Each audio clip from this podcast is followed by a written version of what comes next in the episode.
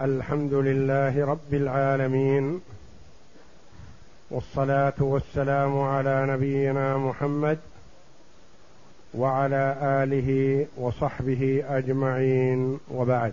بسم الله بسم الله الرحمن الرحيم. قال المؤلف رحمه الله فصل والسنة نحر الإبل قائمة معقولة يدها, يدها اليسرى لقول الله تعالى فاذكروا اسم الله عليها صواف. نعم. ومر ابن عمر على رجل قد أناخ بدنه لينحرها فقال بدنته بدنته, بدنته لينحرها فقال ابعثها قياما مقيدة. سنة محمد صلى الله عليه وسلم متفق عليه. قول المؤلف رحمه الله تعالى فصل والسنة نحر الإبل قائمة معقولة يدها اليسرى. السنة والأفضل عند نحر الإبل أن تنحر قائمة معقولة يدها اليسرى لأنه أيسر لها وأسهل لخروج روحها فهو ينحرها ثم تسقط وتخرج نفسها بسهولة. لقول الله تعالى فاذكروا اسم الله عليها صواف يعني قياما. وقيل قياما على ثلاث يعني ثلاث قوائم اليد اليسرى معقولة قياما على ثلاث فإذا نحرها سقطت. فإذا وجبت جنوبها فكلوا منها وجبت بمعنى سقطت. ومر ابن عمر رضي الله عنهما على رجل قد أناخ بدنته لينحرها. البدنة غالبا ما تطلق على الهدي ما يهدى للبيت. قد أناخ هذه الناقة من أجل أن ينحرها. فقال له عبد الله بن عمر ابعثها قياما سنة محمد صلى الله عليه وسلم.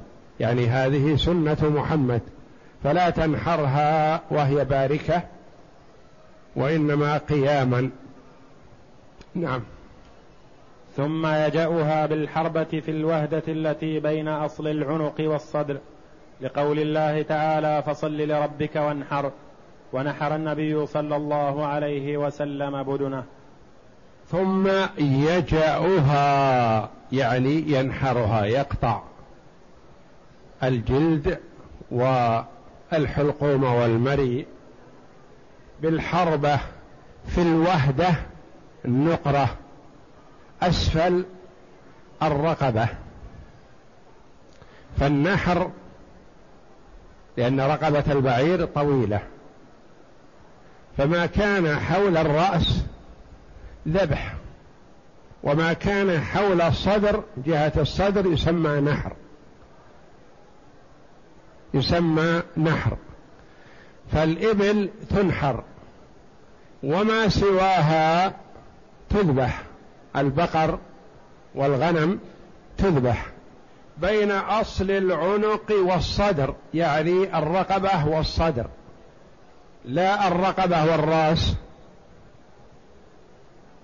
لقوله جل وعلا فصل لربك وانحر. يعني انحر الإبل نحرا. نعم. ويذبح سائر الحيوان لقول الله تعالى إن الله يأمركم أن, أن تذبحوا بقرة. أما ما سوى الإبل فهي تذبح ذبح. والذبح من طرف الرقبة مما يلي الرأس. والله جل وعلا فصل بين هذا وهذا فقال إن الله يأمركم أن تذبحوا بقرة. ولم يقل جل وعلا تنحروا لأن البقرة تذبح ذبح والإبل تنحر نحر. نعم. وذبح النبي صلى الله عليه وسلم الكبشين اللذين ضحى بهما.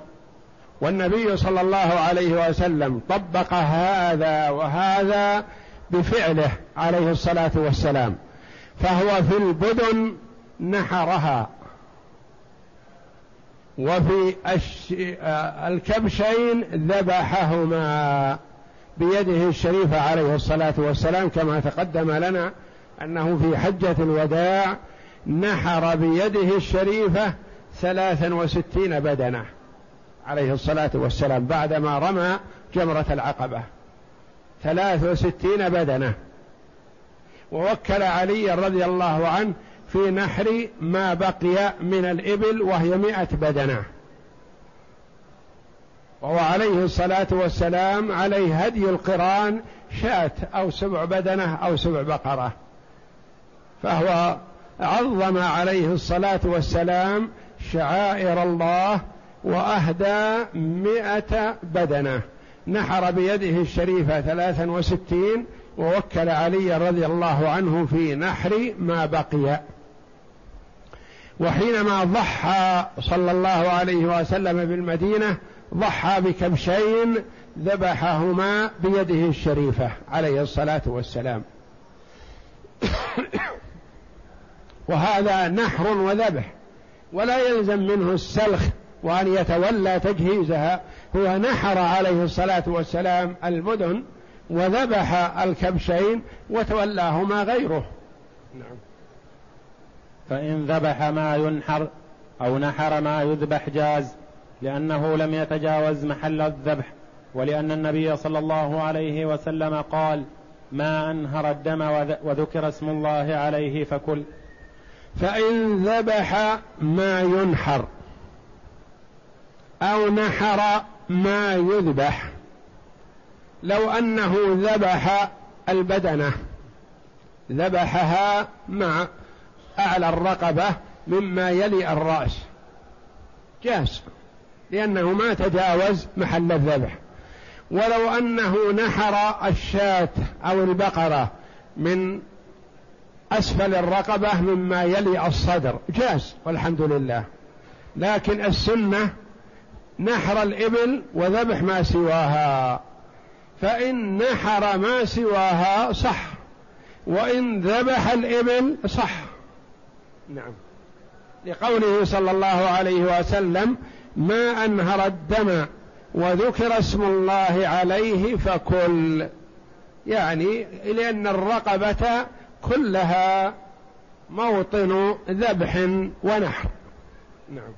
ويستحب توجيه الذبيحة إلى القبلة لأن ابن عمر رضي الله عنه كان يستحب ذلك ولأنه أولى الجهات بالاستقبال.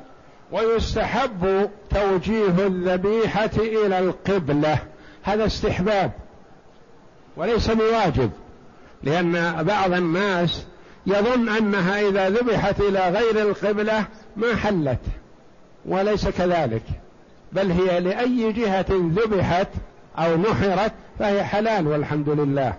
وإنما يستحب التوجه للقبلة استحبابا والمستحب يثاب فاعله ولا يعاقب تاركه لأن القبلة هي أشرف الجهات ويستحب للإنسان حال الدعاء يتوجه إلى القبلة.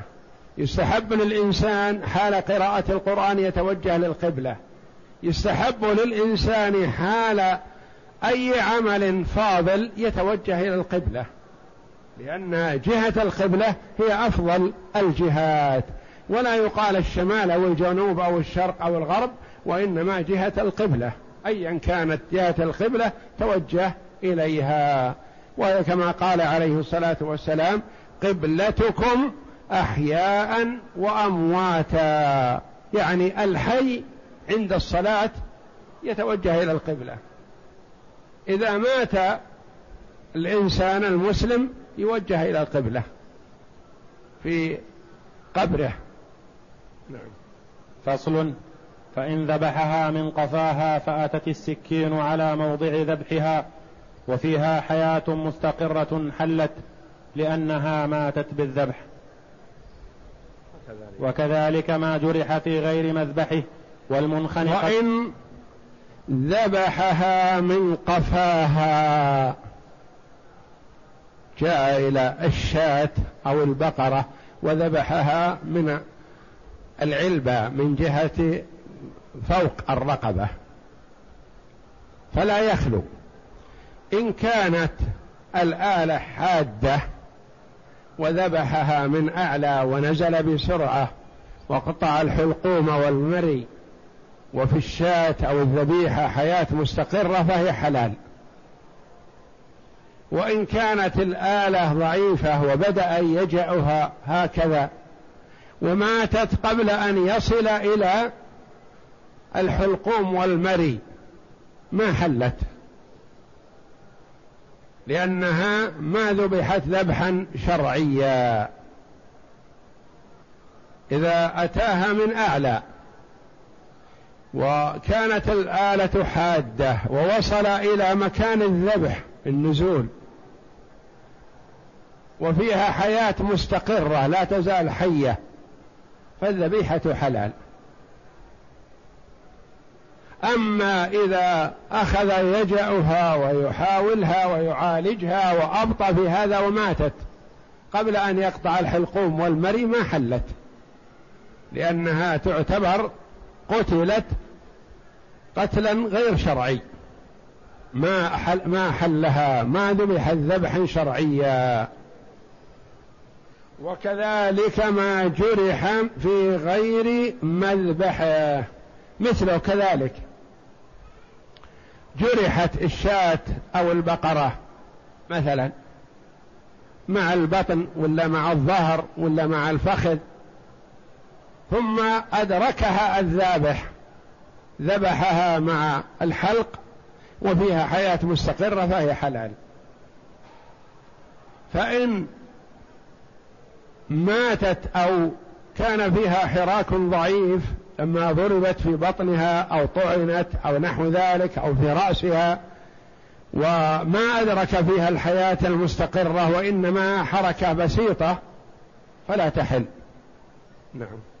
والمنخنقة والموقوذة والمتردية والنطيحة وما أكل السبع والمريضة إذا أدرك ذكاتها وفيها حياة مستقرة حلت لقول الله تعالى إلا ما ذكيتم ولحديث جارية كعب إذ أصيبت منها شاة فأدركتها فذكت فذكتها بحجر فأمر النبي صلى الله عليه وسلم بأكلها. والمنخنقة والموقوذة والمتردية والنطيحة. هذه المحرمات التي ماتت بهذه الصفة كما ذكر الله جل وعلا في سورة المائدة. المنخنقة هي التي انغالت بالحبل. والموقوذة هي التي ماتت بالضرب ما خرج منها دم. والمتردية هي التي تردت من أعلى سقطت من أعلى إلى أسفل إما من فوق الجبل وإما من سطح البيت أو نحو ذلك وماتت. هذه حرام. والنطيحة إذا تناطحت شاتان فداخت إحداهما وأوشكت على الموت. وما أكل السبع السبع الذئب أو نحوه جاء إلى شاة في غفلة من الراعي فعضها ومع الفخذ أو فرى بطنها أو مع الصدر أو مع الرقبة هذه ما أكل السبع. والمريضة التي فيها مرض وبدأت ترفس كإشعارا بأنها قرب موتها. هذه المنخنقة والموقوذة والمتردية والنطيحة وما أكل السبع الخمس إذا أدرك فيها المرء حياة مستقرة فذبحها حلت. وما لا فلا. لما؟ لقوله تعالى إلا ما ذكيتم. أتى بهذا الاستثناء جل وعلا بعد ذكرها هذه الأشياء؟ دون ما أهل لغير الله به لأن ما أهل لغير الله به هذا حرام لأنه ذبح للأصنام. أما هذه الأشياء إذا أدركت فيها الحياة وذكيت حلت. مثلا المنخنقة رآها من غالة بالحبل لكنه رأى فيها حياة فأحضر السكين بسرعة وذبحها وسال الدم. هذا دليل فيها حياة مستقرة حلت. الموقوذة ضربت بخشبة أو سقط عليها سقف أو نحو ذلك أو سقط عليها حصاد أو حجر كبير فبدأت ترفس فأدركها وذكاها حلت. والمتردية سقطت من أعلى إلى أسفل فأدركها بالسكين وذبحها وسال الدم فإنها تحل. والنطيحة تناطحت شاتان فرأى أن واحدة منها ما داخت وأنها على وشك الموت الضعيفة منهما. فأخذ السكين وأدرك فيها الذكاة وذكاها حلت لأنه لو تركها مثلا خمس أو عشر دقائق ماتت. لكنه أدركها. وما أكل السبع. السبع عدا على هذه الشاة مثلا. فنهشها مع رقبتها مع بطنها مع فخذها. ثم انتبه لها الراعي فأخذ السكين أو المدية أو الحجر أو أي شيء ممكن أن يذبح به وذبحها. وسال الدم فإنها تحل. والدليل على هذا قوله جل وعلا إلا ما ذكيتم بعد ذكر هذه المحرمات. فهي محرمة إلا إذا أدركت فيها الذكاة فإنها تحل. ولحديث جارية كعب كما تقدم لنا. جارية كعب معها غنم لكعب رضي الله عنه. ترعاها. فعدا على واحدة منها سبع. فانتبهت لهذا الجارية فأخذت حجرا مسننا وذكت الشاة وأدركت فيها الحياة ثم أحضرتها معها لكعب رضي الله عنه. كعب رضي الله عنه توقف عن أكل هذه الشاة لأنها السبع تعدى عليها وقطع منها ما قطع مثلا والجارية ذكتها وسال الدم فهي يتنازعها تحريم وتحليل. عدا عليها السبع هذا يحرمها. ذكتها الجارية بالحجر هذا يحللها. فذهب سعد آه كعب رضي الله عنه إلى النبي صلى الله عليه وسلم وأخبره بالحال فقال كلها كلوها. ما دام أنها أدركت فيها الحياة مستقرة وسال الدم ولعل من علامات استقرار الحياة فيها سيلان الدم. إذا سال الدم فدليل أن فيها حياة. أما إذا ذكاها فما خرج دم أنها ماتت قبل هذا فتفرق دمها في جسمها فلا تحل حينئذ.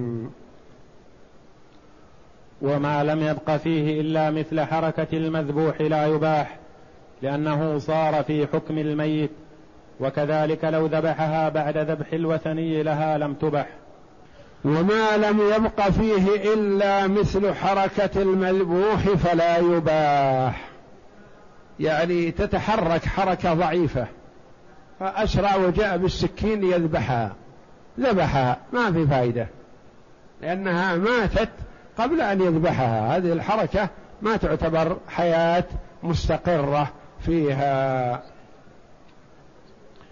وما لم يبق فيه إلا مثل حركة المذبوح لا يباح لأنه صار في حكم الميت. يعني كأنها ماتت قبل أن يذبحها بالسكين. نعم. فصل ويكره وكذلك, وكذلك لو ذبحها. وكذلك لو ذبحها بعد ذبح الوثني لها لم تذب لم تحل لم تبح يعني الشاة إذا ذبحها وثني عابد للأصنام مشرك فلا تحل. لو ذبحها الوثني ثم هذا انتبه لأن عنده عامل مثلا مشرك أو عامل لا يصلي هذا كافر. فذبح الشاة فأسرع هو بعد ذبح هذا الوثني ليكمل عليها لأجل أن يحللها. نقول ما تحل لأنها ماتت بذبح الوثني. وذبيحة الوثني لا تحل وإنما تحل ذبيحة المسلم العاقل وذبيحة الكتابي. الكتابي اليهودي والنصراني تحل ذبيحته إذا ذبحها على الذبح الصحيح على الطريقة الصحيحة. أما إذا ذبحها الكتابي على طريقة غير صحيحة كما يفعلون غالبا بالحيوانات بال بالصعق الكهربائي أو بالتغطيس بالماء أو بالتدويخ أو بالضرب على الرأس أو نحو ذلك فهذا لا يحللها ولا تكون حلالا. نعم. ويكره أن يبين الرأس بالذبح وقطع, وقطع عضو مما ذكي أو سلخه حتى تزهق نفسه لأن عمر رضي الله عنه قال لا تعجل الأنفس حتى تزهق ولا ولا ولا يحرم المقطوع لأن إبانته حصلت بعد ذبحها وحلها. ويكره أن يبين الرأس بالذبح وقطع عضو مما ذكي هذا يكره. والمكروه هو الذي يثاب تاركه ولا يعاقب فاعله. يثاب تارك المكروه وفاعل المكروه لا يعاقب. فمثلا ذكى الشاة ذبحها وهو مستعجل فقطع رجل أو يد وناولها المرأة لطبخها تحل حتى لو كانت الشاة تتحرك وترفس. لكن الأولى والأفضل تركها حتى تبرد حتى تنتهي حتى تزهق الروح ولا وتسكن. وكذلك يكره أن يقطع الرأس عند الذبح أول مرة. فإذا ذبحها يذبح يقطع الحلقوم والمري والأوداج ويتركها حتى تزهق الروح ثم يقطع الرأس. فإن قطع الرأس وهي ترفس فالذبيحة حلال والرأس حلال إلا أنه فعل خلاف الأولى.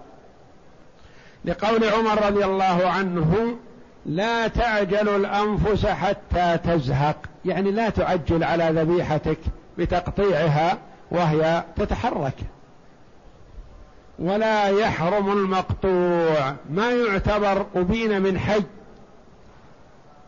وإلا فقد قال الفقهاء رحمهم الله ما أبين من حي فهو كميتته.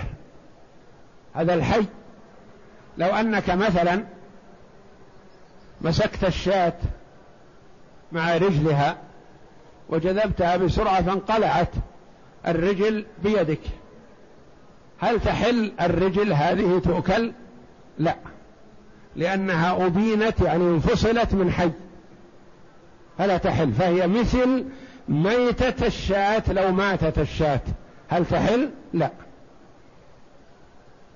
والشاة على حسب ما تقدم. إن أدركت فيها حياة مستقرة حيت حلت وإن لم تدرك فيها حياة مستقرة فلا تحل. أما هذا الذي قطعته وهي تركض فإنها لا تحل. لو قطعت من السمكة جزءا منها وهي حية وجدتها في البحر تتحرك تركض فما استطعت أن تمسكها كلها فقطعت من مؤخرة السمكة جزء وتركت الباقي يعوم في البحر. فهذه القطعة من السمك حلال حتى لو كان بقيتها يسبح في البحر وحي يعيش لأن ما أبين من حي فهو كميتته. ميتة السمك حلال فما أبين من الحي فهو حلال. ميتة الشاة حرام. فما قطع منها حال الحياة فهو حرام. ولا يحرم المقطوع. هذا إذا بعد الذكاة بعد الذكاة وهي ترفس. ما انتهت. فقطعت اليد أو الرجل أو نحو ذلك فلا يحرم المقطوع بل يكره. نعم. لأنه لأن إبانته حصلت بعد ذبحها. نعم. ولو ذبحها فسقطت في ماء أو تردت ترديا يقتلها مثله فقال أكثر أصحابنا لا تحرم. لما ذكرنا؟ نعم. وقال الخرقي تحرم وهو المنصوص عليه لأن النبي صلى الله عليه وسلم قال لعدي بن حاتم فإن وقعت في الماء فلا تأكل ولأن ذلك يعين على زهوق نفسها. فيحصل بسبب مبيح ومحرم. ولو ذبحها فسقطت في ماء أو تردت ترديا يقتلها مثله فقال أكثر أصحابنا لا تحرم. لما ذكرنا لو ذبحها الذبح حصل. وبعد الذبح واثناء الحركة سقطت في خزان أو بركة أو نحو ذلك. يقول قال أصحابنا أكثر أصحابنا لا تحرم لأنها حتى لو ماتت في الماء لأن الموت حصل لها بسبب الذبح. وهذا الذي جاءها الماء ليس له دخل في ذبح في موتها لأنها ماتت قبله. وقال الخرقي رحمه الله تحرم. لما يرحمك الله يقول لأنها ماتت بسببين. سبب مبيح وهو الذكاة والذبح. وسبب محرم وهو السقوط في الماء. فتنازعها أمران. فإذا اشتبه الأمر غلب جانب التحريم. فلا تحل. ما دليلك على هذا؟ يقول نعم. قول النبي صلى الله عليه وسلم لعدي بن حاتم رضي الله عنه فإن وقعت في الماء فلا تأكل. يعني الصيدة. إذا صدت الصيدة ثم سقطت في الماء يقول لا تأكل. لأنها ربما تكون ماتت بوقوعها في الماء غرقت غرق. وإلا ضربتك قد تكون غير قاتلة في الصيد.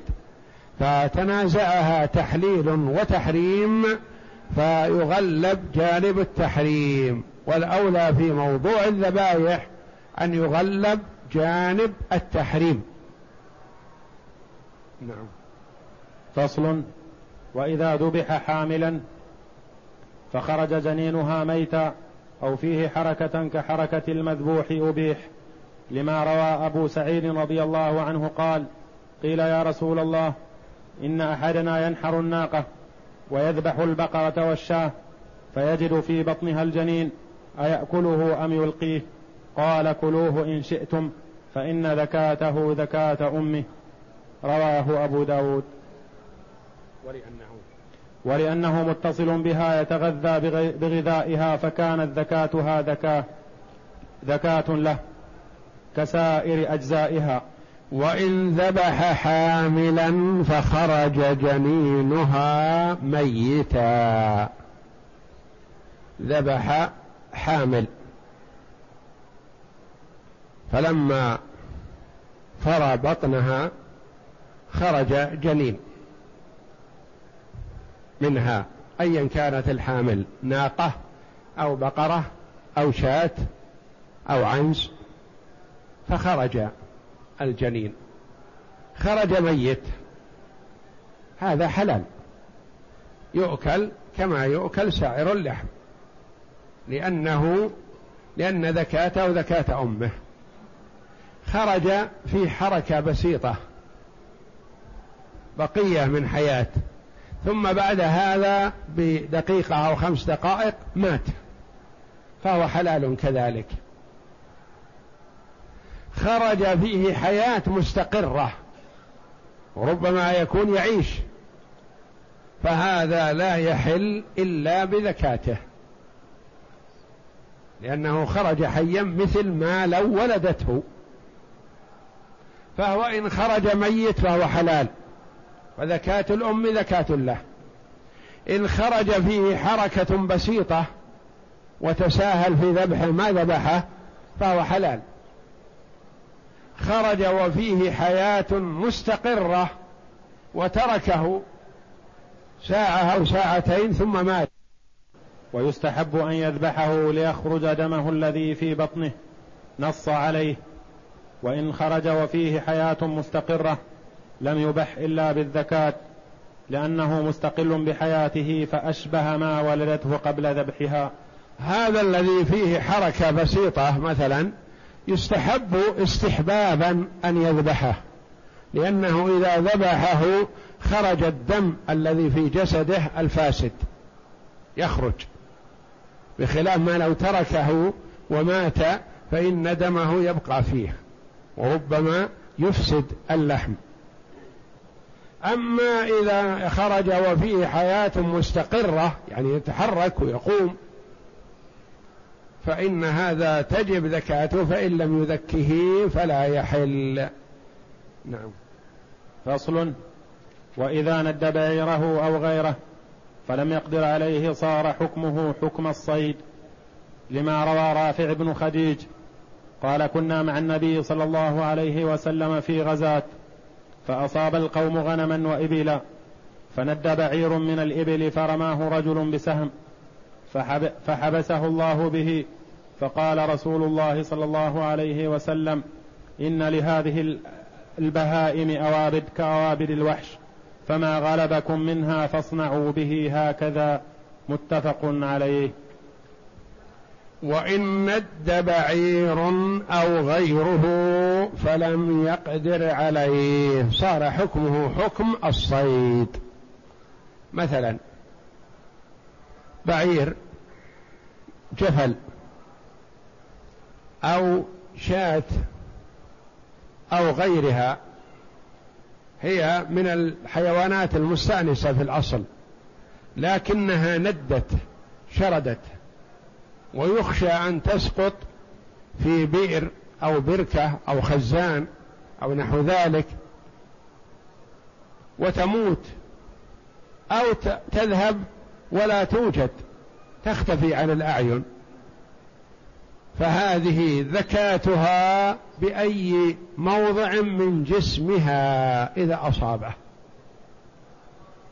إذا ضربها بالبندقية مثلا أو ضربها بسهم أو ضربها برمح من بعد حلت.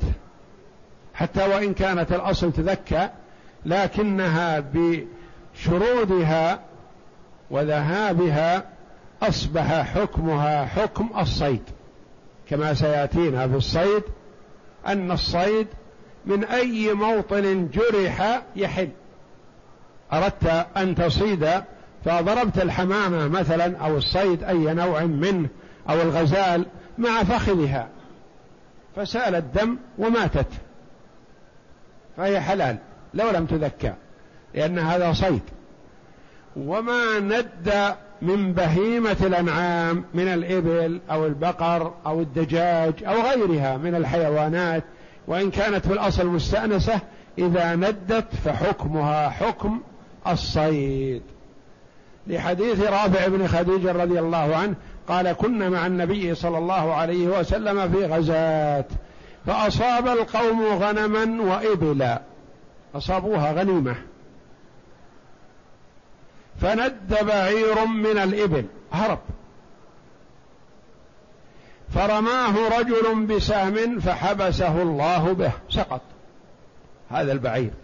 وربما يكون مات بهذه الضربة سقط ومات.